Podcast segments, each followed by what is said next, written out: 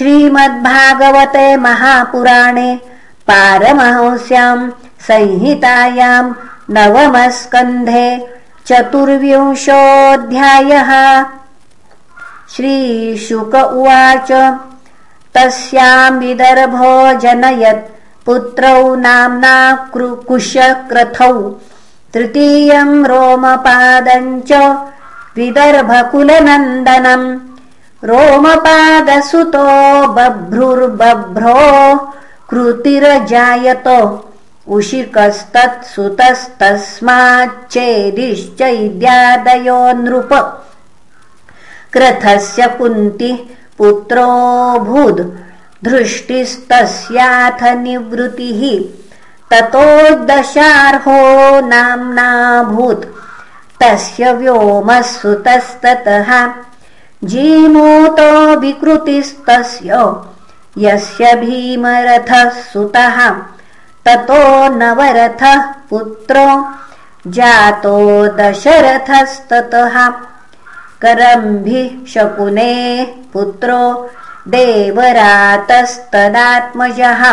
देवक्षत्रस्ततस्तस्य मधु कुरुवशादनुः पुरुहोत्रस्त्वन्वनो पुत्रस्तैस्यायुः सात्वतस्ततः भजमानो भजिर्दिव्यो वृष्णिर्देवावृधोऽन्धकः सात्वतस्य सुता सप्त महाभोज्यश्च मारिष भजमानस्य निम्लोचिः किङ्किणो दृष्टिरेव च एकस्यामात्मजा पत्न्या मन्यस्यां च त्रयः सुताः शताजिश्च सहस्राजिदयुताजिति पुनः शताजिच्च सहस्राजिदयुताजिदिति प्रभो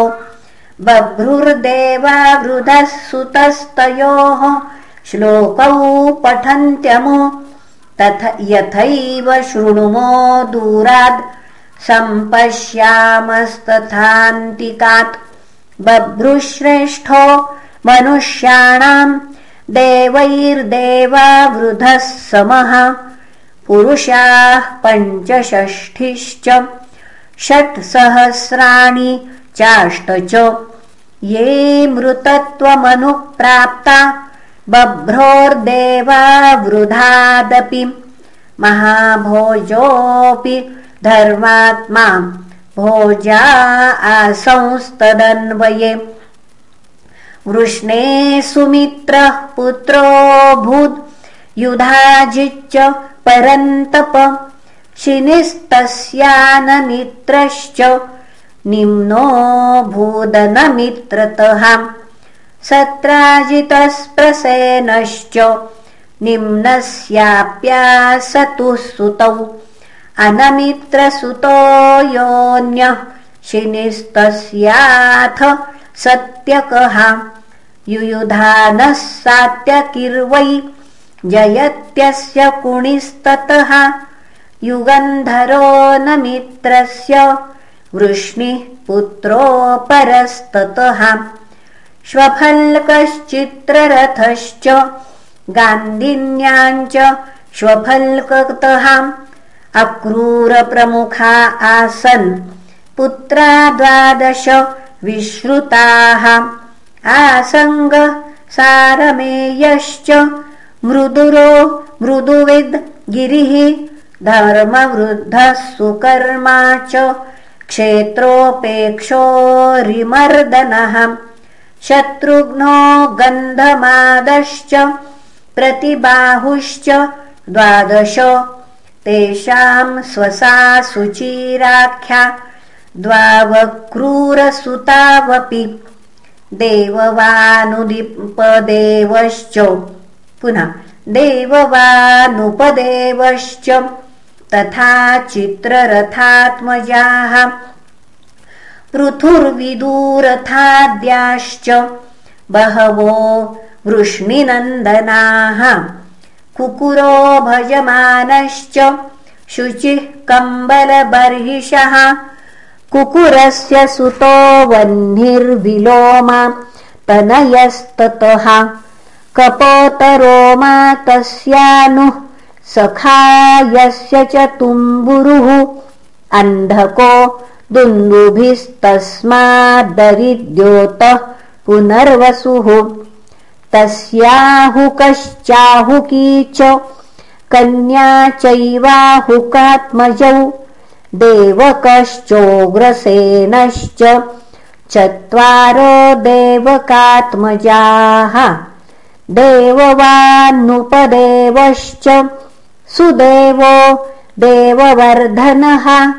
तेषाम् स्वसारः सप्तासन् धृतदेवादयो नृप। शान्तिदेवोपदेवा च श्रीदेवा देवरक्षिता सह देवा देवकी च वसुदेव उवाहताः।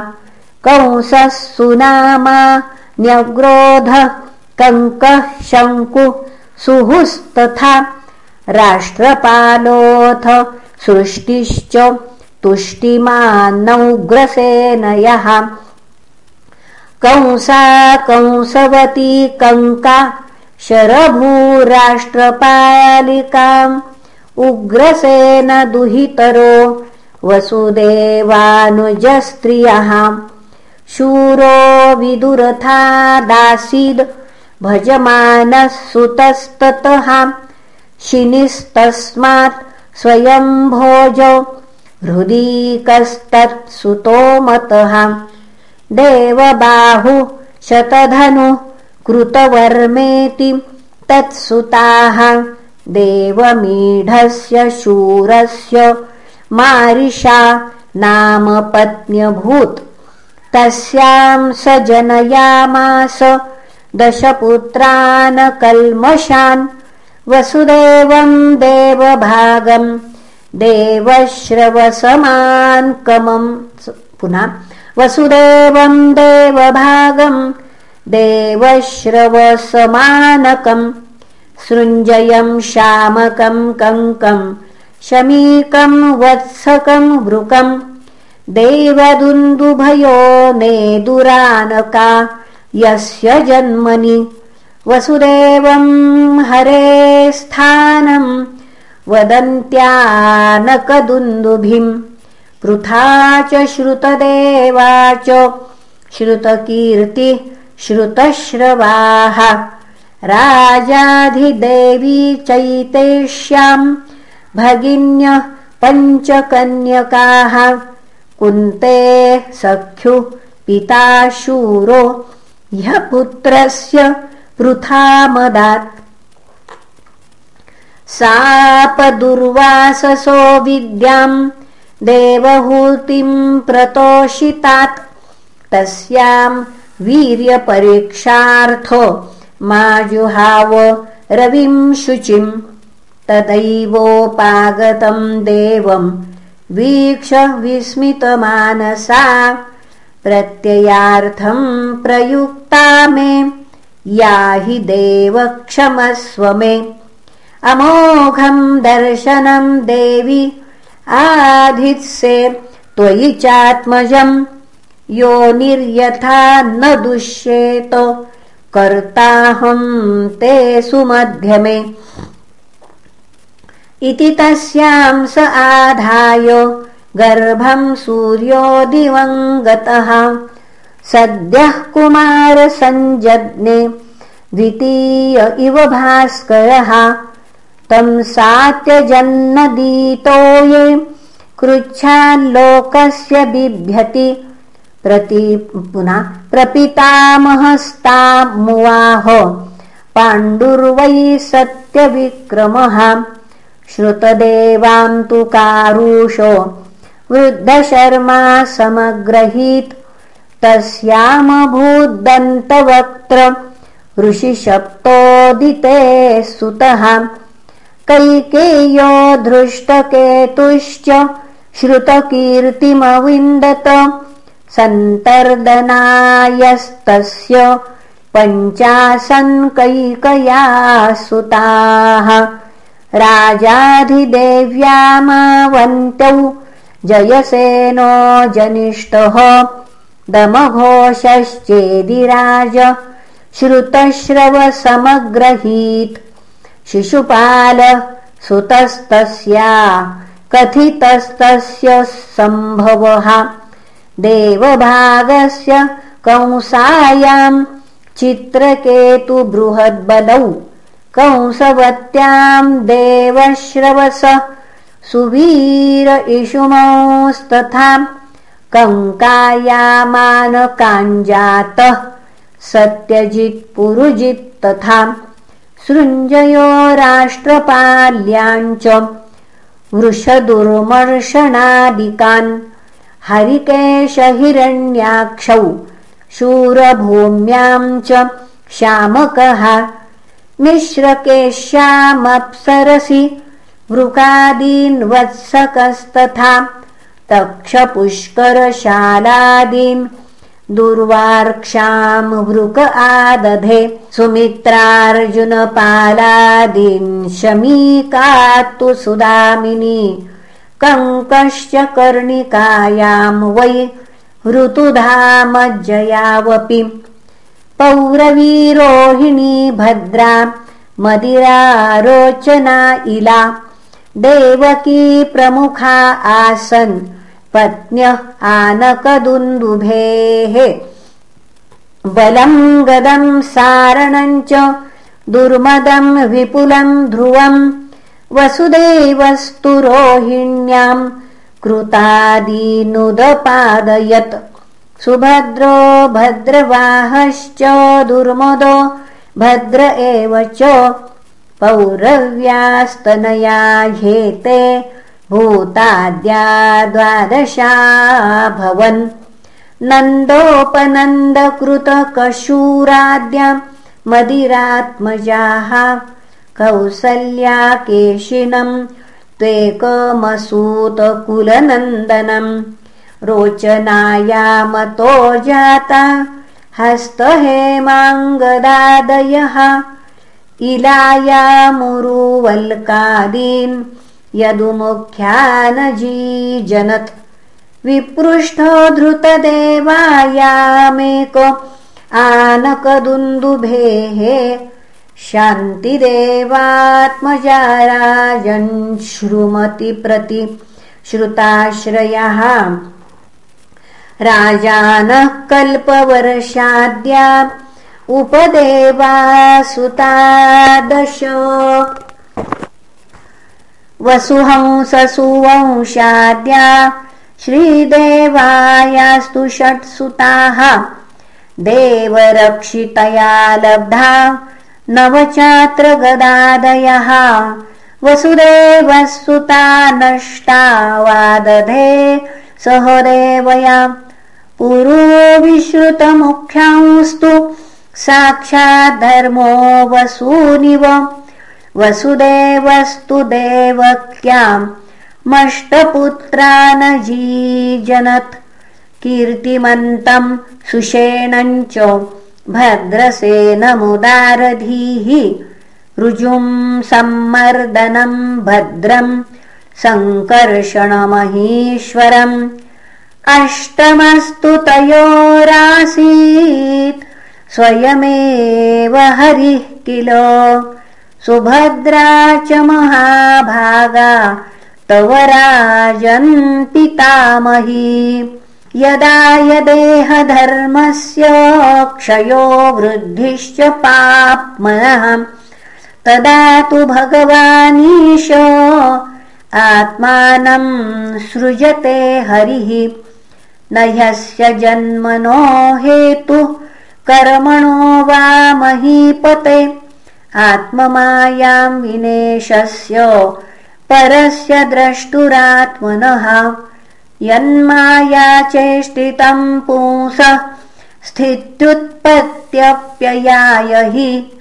अनुग्रहस्तन्निवृत्तेरात्मलाभाय चेष्यते अक्षौहिणीनाम् पतिभिरसुरैर्नुपलाञ्छनैः भुव आक्रम्यमाणाया अभाराय कृतोद्यमहाम् कर्माण्यपरिमेयाणि मनसापि सुरेश्वरैः सङ्कर्षणश्चक्रे पुनः सह सङ्कर्षणश्चक्रे भगवान् मधुसूदनः कलौ जनिष्यमाणानाम् दुःखशोकतमोऽनुदम् अनुग्रहाय भक्तानाम् सुपुण्यम् व्यतनोद्यशः। यस्मिन् यत्कर्मपीयूषे यशस्तीर्थवरे सकृत् श्रोत्राञ्जलिरूपस्पृश्य धुनुते कर्मवासनाम्।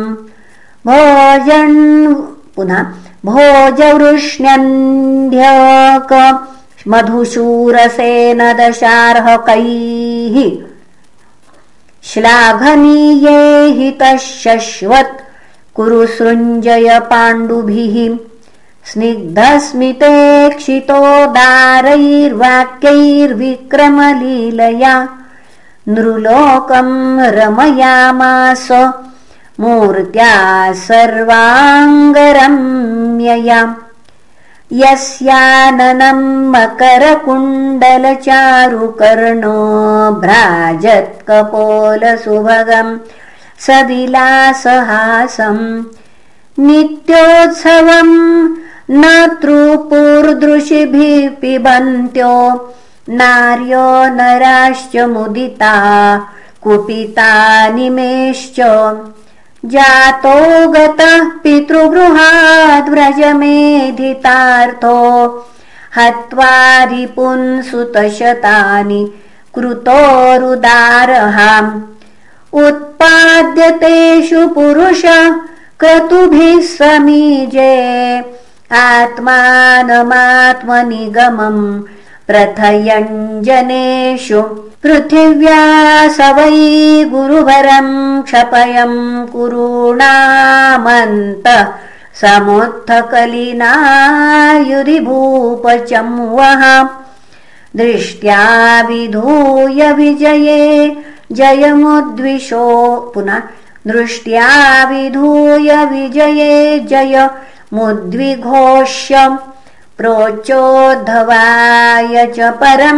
समगात् स्वधाम। इति श्रीमद्भागवते महापुराणे वैयासिक्याम् अष्टादशसाहस्रयाम् पारमहंस्याम् संहितायाम् नवमस्कन्धे श्रीसूर्यसोमवंशानुकीर्तने यदुवंशानुकीर्तनम् नाम चतुर्विंशोऽध्यायः इति नवमस्कन्धः समाप्तः। हरिः ॐ तत्सत् श्रीकृष्णार्पणमस्तु। हरये नमः हरये नमः हरये नमः